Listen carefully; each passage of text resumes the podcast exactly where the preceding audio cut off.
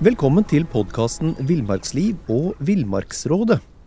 Mitt navn er Knut Brevik, og jeg er redaktør i bladene Villmarksliv, Jakt og Alt om fiske. Og mitt navn er Halvard Lunde, og jeg er redaksjonssjef i bladet Villmarksliv. Ja, og, og selv om vi to er, er oppkommer av viten, Halvard, så må vi jo bare innrømme at vi har fått god hjelp Eh, til å svare på en del av disse spørsmåla, og det er fra Andreas Næristorp, Jon Arne Tungen, Arne Hamarsland, Dag Kjelsås og, og Tom Shandy. Ja, og det er veldig gode støtter å ha. Det er det. Det er smarte folk. Men vi går rett på et spørsmål, vi, Knut. og det har vi fått fra en leser. Ja. Sendt inn på e-post. Og han skriver Hei, må først si at dere har noen flotte blad, det har vi jo å lese, og en bra podkast. Så det, skryt fungerer alltid på oss. Det, det, ble, det er veien til våre hjerter. Da, da kom en først i spørsmålspunkten, vet du. ja. ja. Det han lurer på, Knut, det er at han lurer på om han kan bruke hva som helst av hund til jakt, så sant den går inn under størrelseskravet, og om det finnes da noen jaktprøve på hund, som, sånn som det er for jegeren, da. Ja, riktig. Um, altså, uh, ja ta det, ta det, første først. Det er, jo, det er, jo, en del sånn formkrav som stilles til, til, bruk av hund på jakt. Han er jo inne på det her med størrelsen på hund sjøl. Um, men hvis vi, hvis vi, ser bort fra det, så oppfatter jeg uh, spørsmålet som uh, om um, det er mulig å bruke en i utgangspunkt jakthundras, eller hunderase som ikke er jakthund, til, til jakt. Om det fungerer. Og det gjør det av og til men ikke, ikke, så ofte som om han hadde brukt en ren jakthund. Og øh, hvis vi sånn helt konkret, da, så, finnes det helt sikkert øh, hunderaser som duger i jaktsammenhenger, enkeltindivider, men, men fordelen med å bruke en jakthund, øh, det er at det vil da være en rase som er avla i generasjon på generasjon, på å findyrke de egenskapene som uh, bikkja trenger for å fungere, enten det er til fuglejakt eller, eller elgjakt, eller, eller harejakt, eller rådyrjakt for den saks skyld. Altså, man har findyrka noen, uh, noen atferdstrekk hos den hunderasen, og gjort det i så mange generasjoner at de er blitt ganske fremtredende, de trekka. Og det vil si at hvis du da kjøper en, en, en jakthundrase som er beregna til en eller annen slags form for jakt, enten det er eh, harejakt eller, eller, det er fuglejakt, så vil du med stor grad av sannsynlighet få en, en hund som duger. Mm.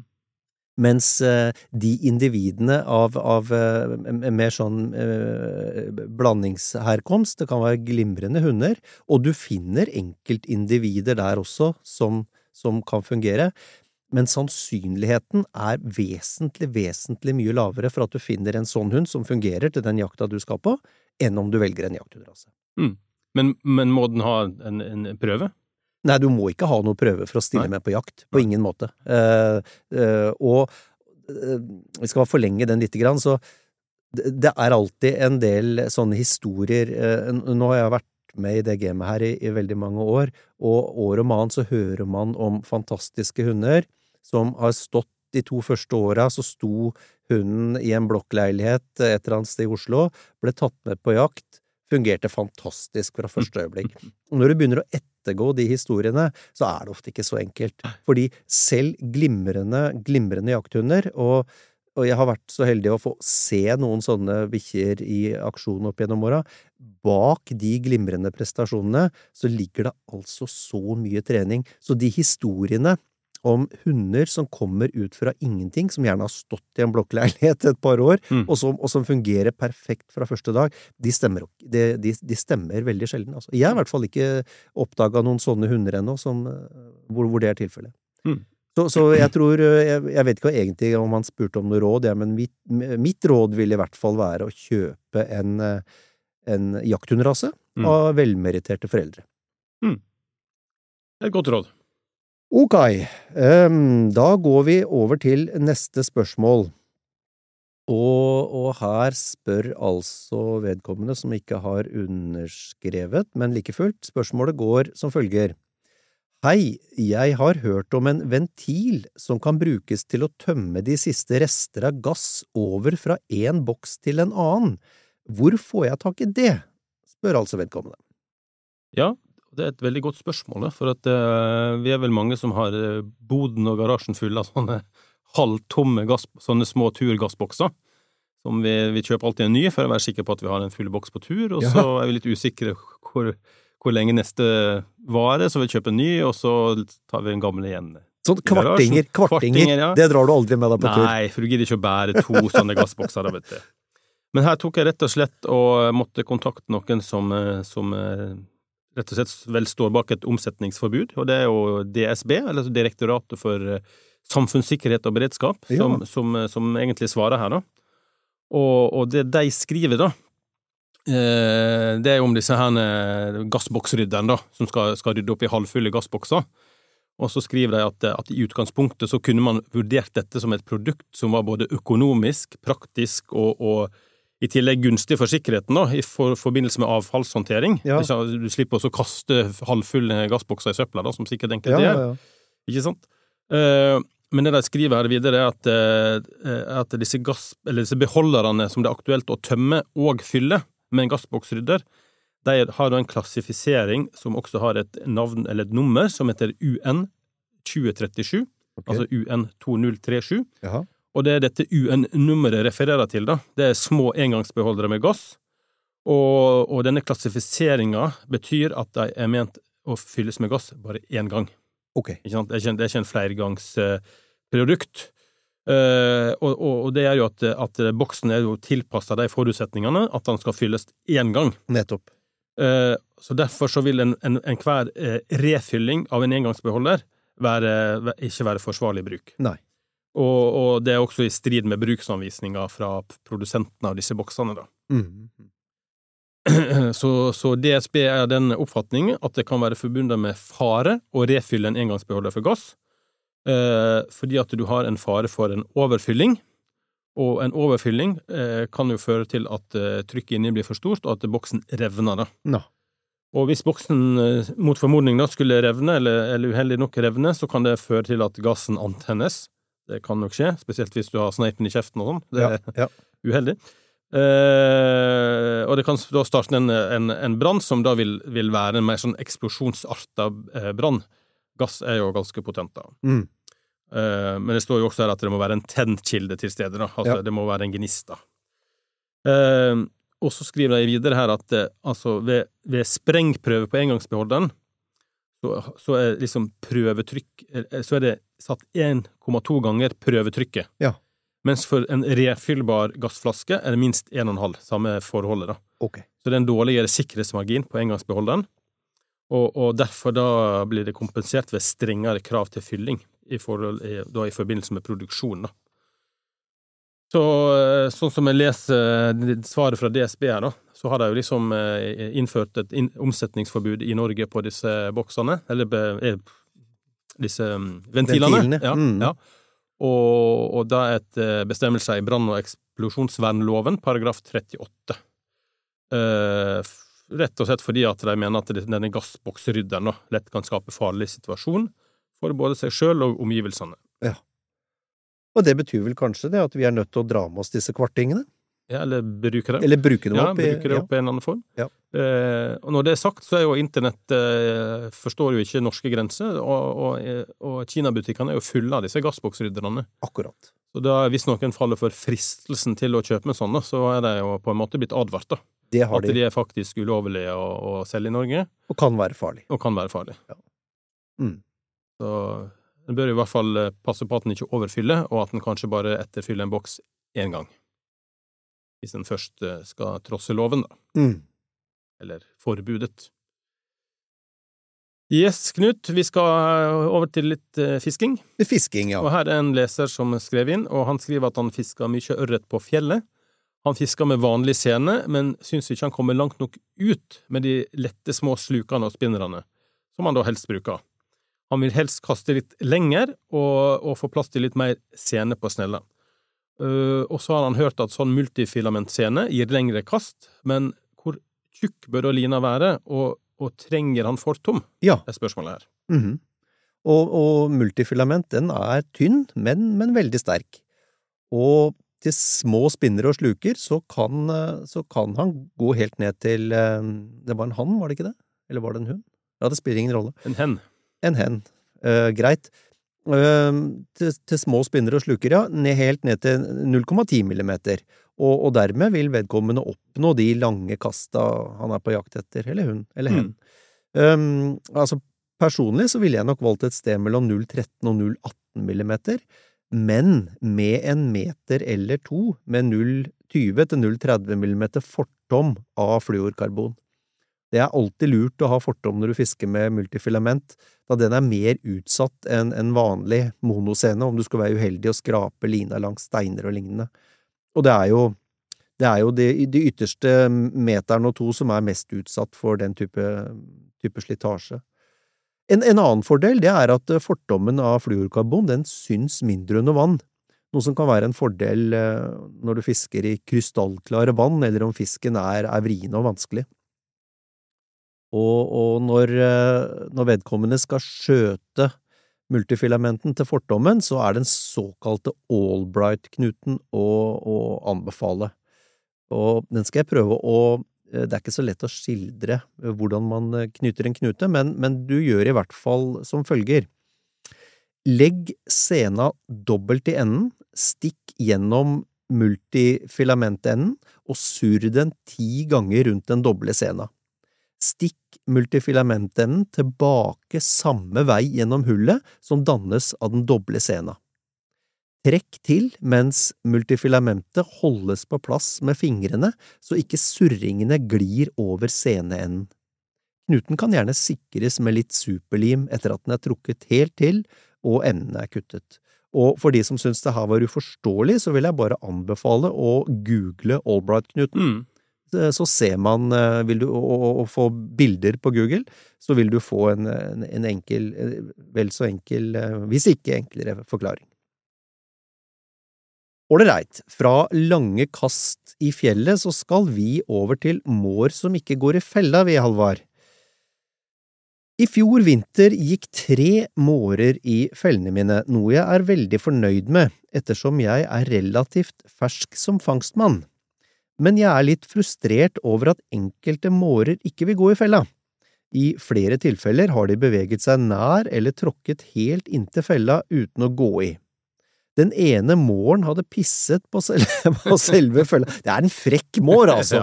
Det er liksom Det er en mår med et holdningsproblem, spør du meg.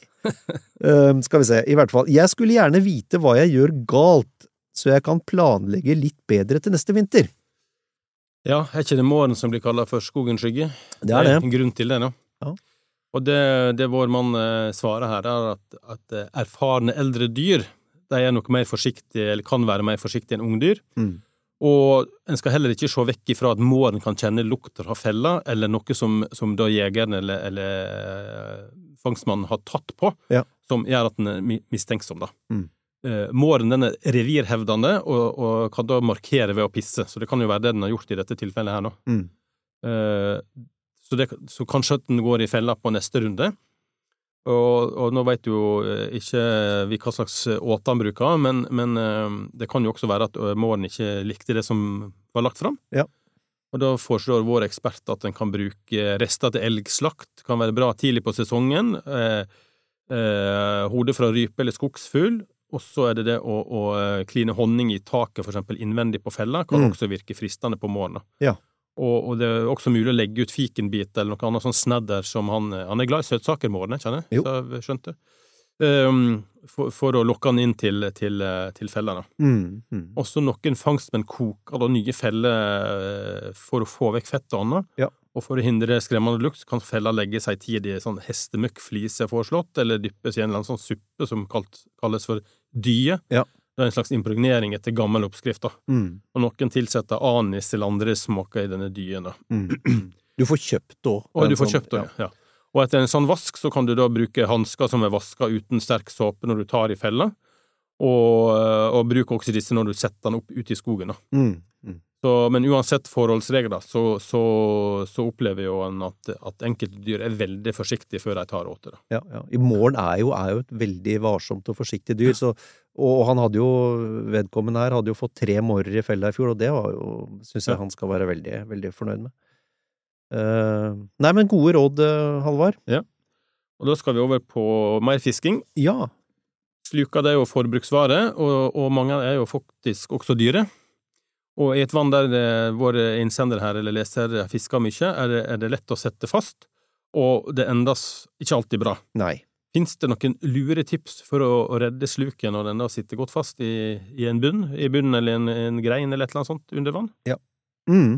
Dette, dette er jo en sånn eh, en gjenganger på, i, i spørrespaltene våre. Mm.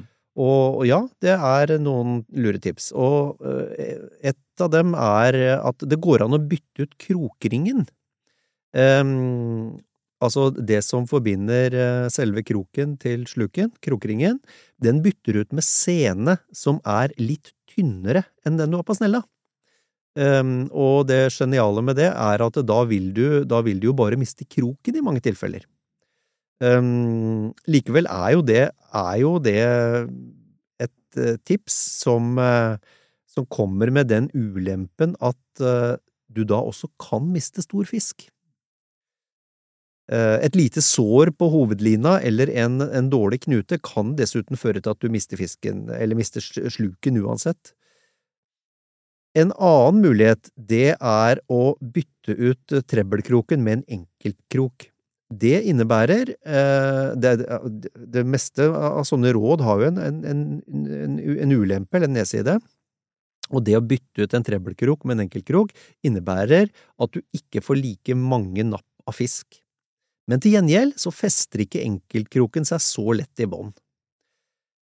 Hvis kroken allikevel eh, fester seg, så finnes det knep for å få løs luken.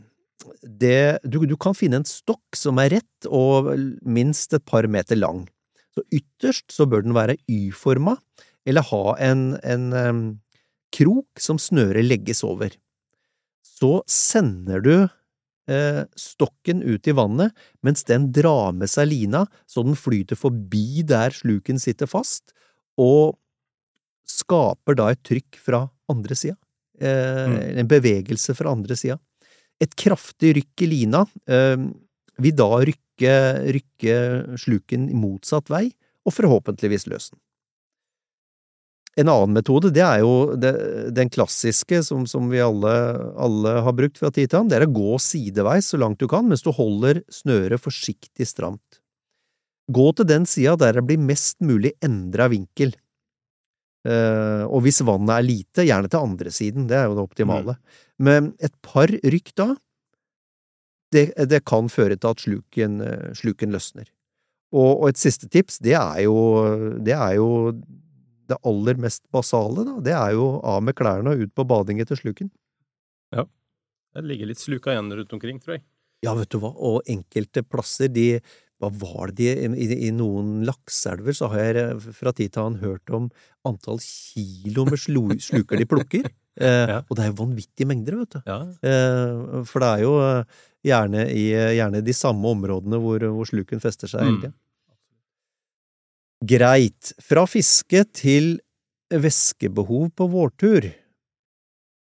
Til våren skal jeg og to kamerater på en ukes skitur i fjellet. Erfaringen fra en lignende tur for noen år siden var at nullføre, sol og vind gjorde at det var behov for å drikke mye vann.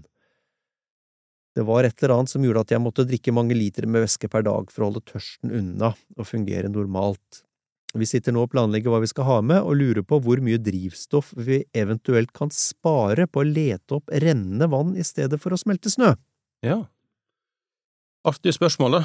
Og den vårskituren er jo, da er det jo ofte bra temperatur, og du er kanskje godt kledd òg, ikke sant? Du svetter masse og trenger mye drikke. Så, så på vårskitur så forsvinner jo ofte vannet som dugg for sola, både i kroppen og på bakken. Da må man fylle på.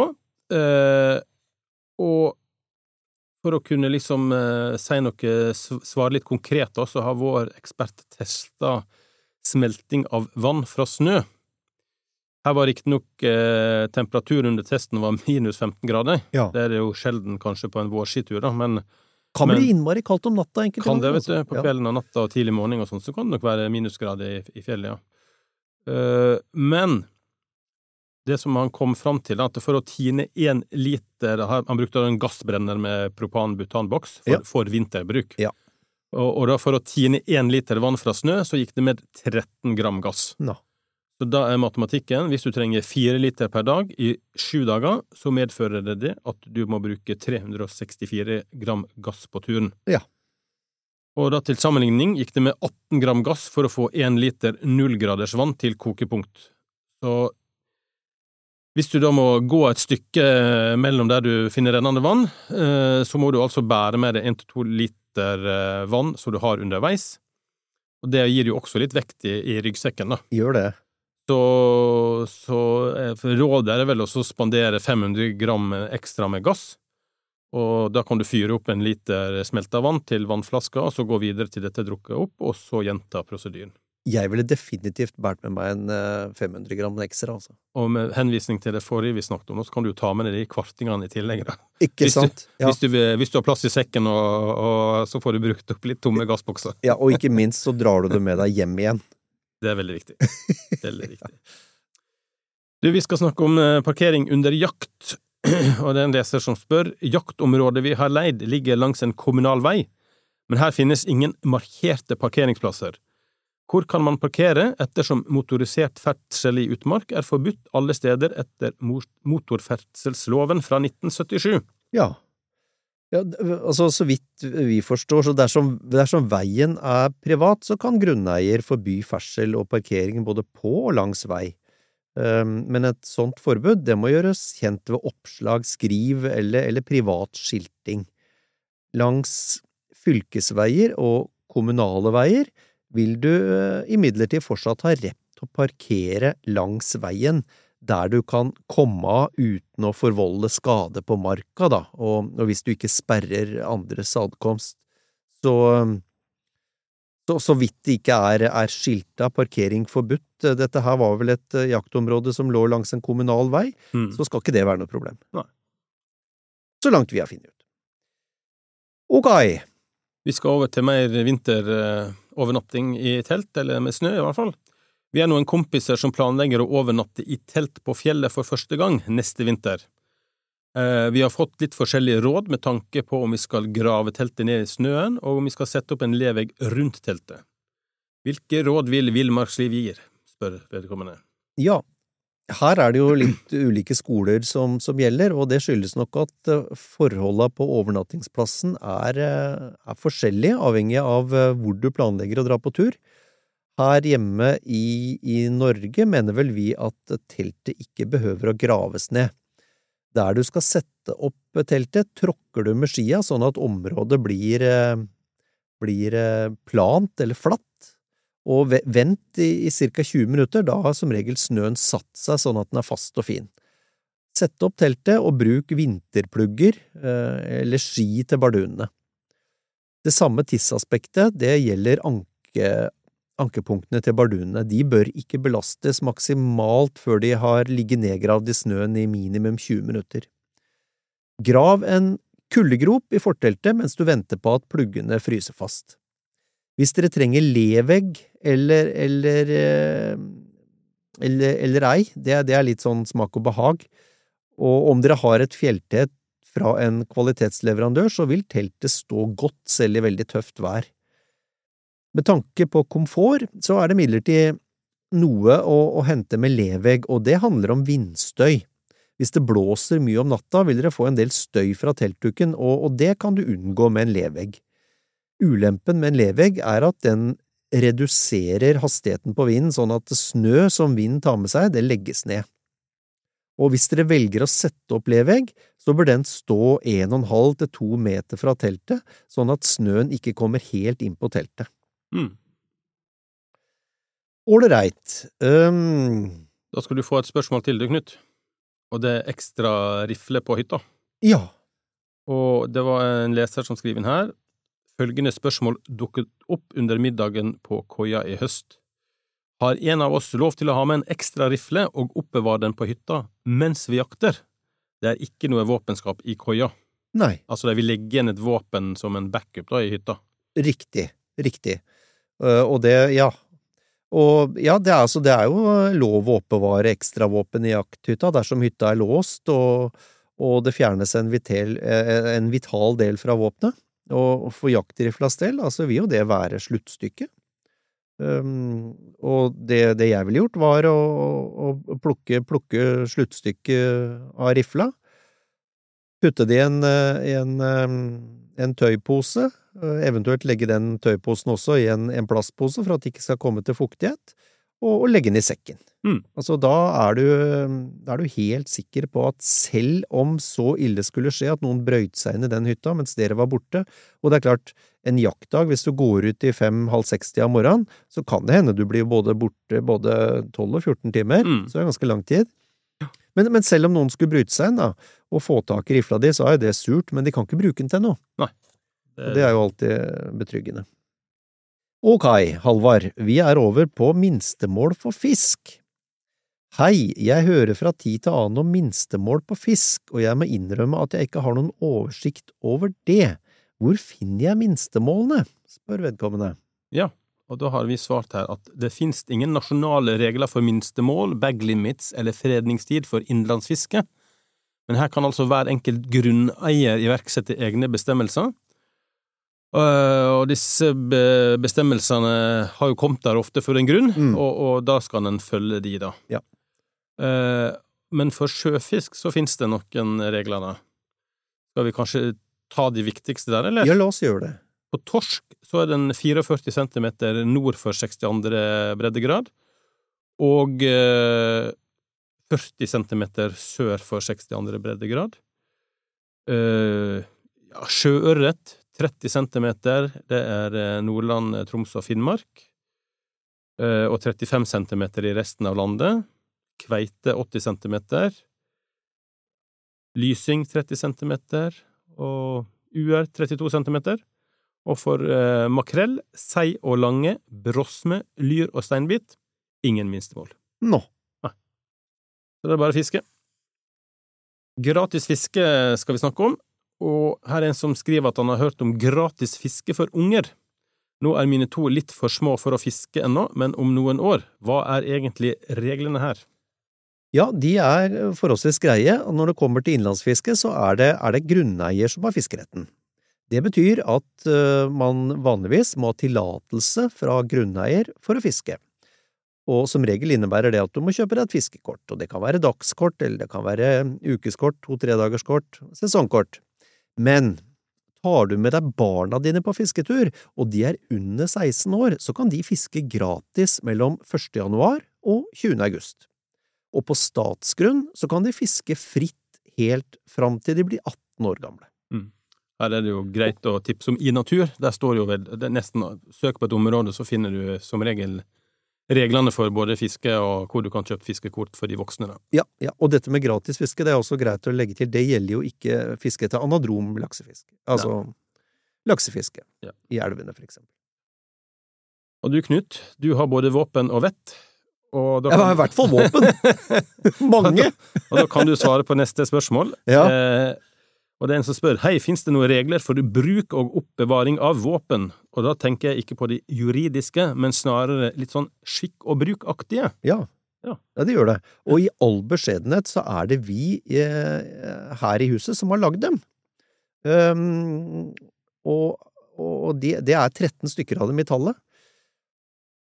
Og følger du de våpenvettreglene, så vil du aldri oppleve å være årsak til fatale vådeskudd eller skyteulykker. Det kan vi garantere. Så jeg drar gjennom dem med- ganske raskt, Halvard. Veldig bra. Nummer én, pek aldri på noen med våpenet ditt. Nummer to, behandle alltid våpenet som om det er ladd. Nummer tre, når du møter andre i utmarka, brekk hagla, riflestykke i bakre stilling, patron ut. Nummer fire, ha alltid tomt kammer når du ferdes sammen med andre jegere. Nummer fem, sjekk og dobbeltsjekk at våpenet er tomt før du setter det fra deg. Seks. I bil skal alltid våpenet oppbevares tomt, utilgjengelig og dekket til. Syv. I ulendt terreng skal våpen bæres uten patron i kammer. Åtte. Rør aldri en annen jegers våpen uten å spørre først. Ni. Bruk aldri kikkertsikte på jaktrifla som observasjonskikkert. Ti. Ikke rør sikring eller avtrekker før du rent faktisk har tenkt å løsne skudd. Elleve. Vit med sikkerhet hva det er du løsner skudd mot, og at bakgrunnen er trygg. Tolv. Oppbevar alltid våpen og ammunisjon trygt nedlåst når du ikke bruker det. Og 13. Rør ikke våpenet ditt hvis du har nytt alkohol. Det var de 13, og hvis du følger dem, da kan vi garantere deg at det aldri vil skje noe triste ting med våpen. Mm. Det er litt greit. Ja. Bra, vel blåst, eh, Halvard. Da tror jeg bare vi ønsker folk en eh, strålende uke videre. Det gjør vi. Mm-hmm.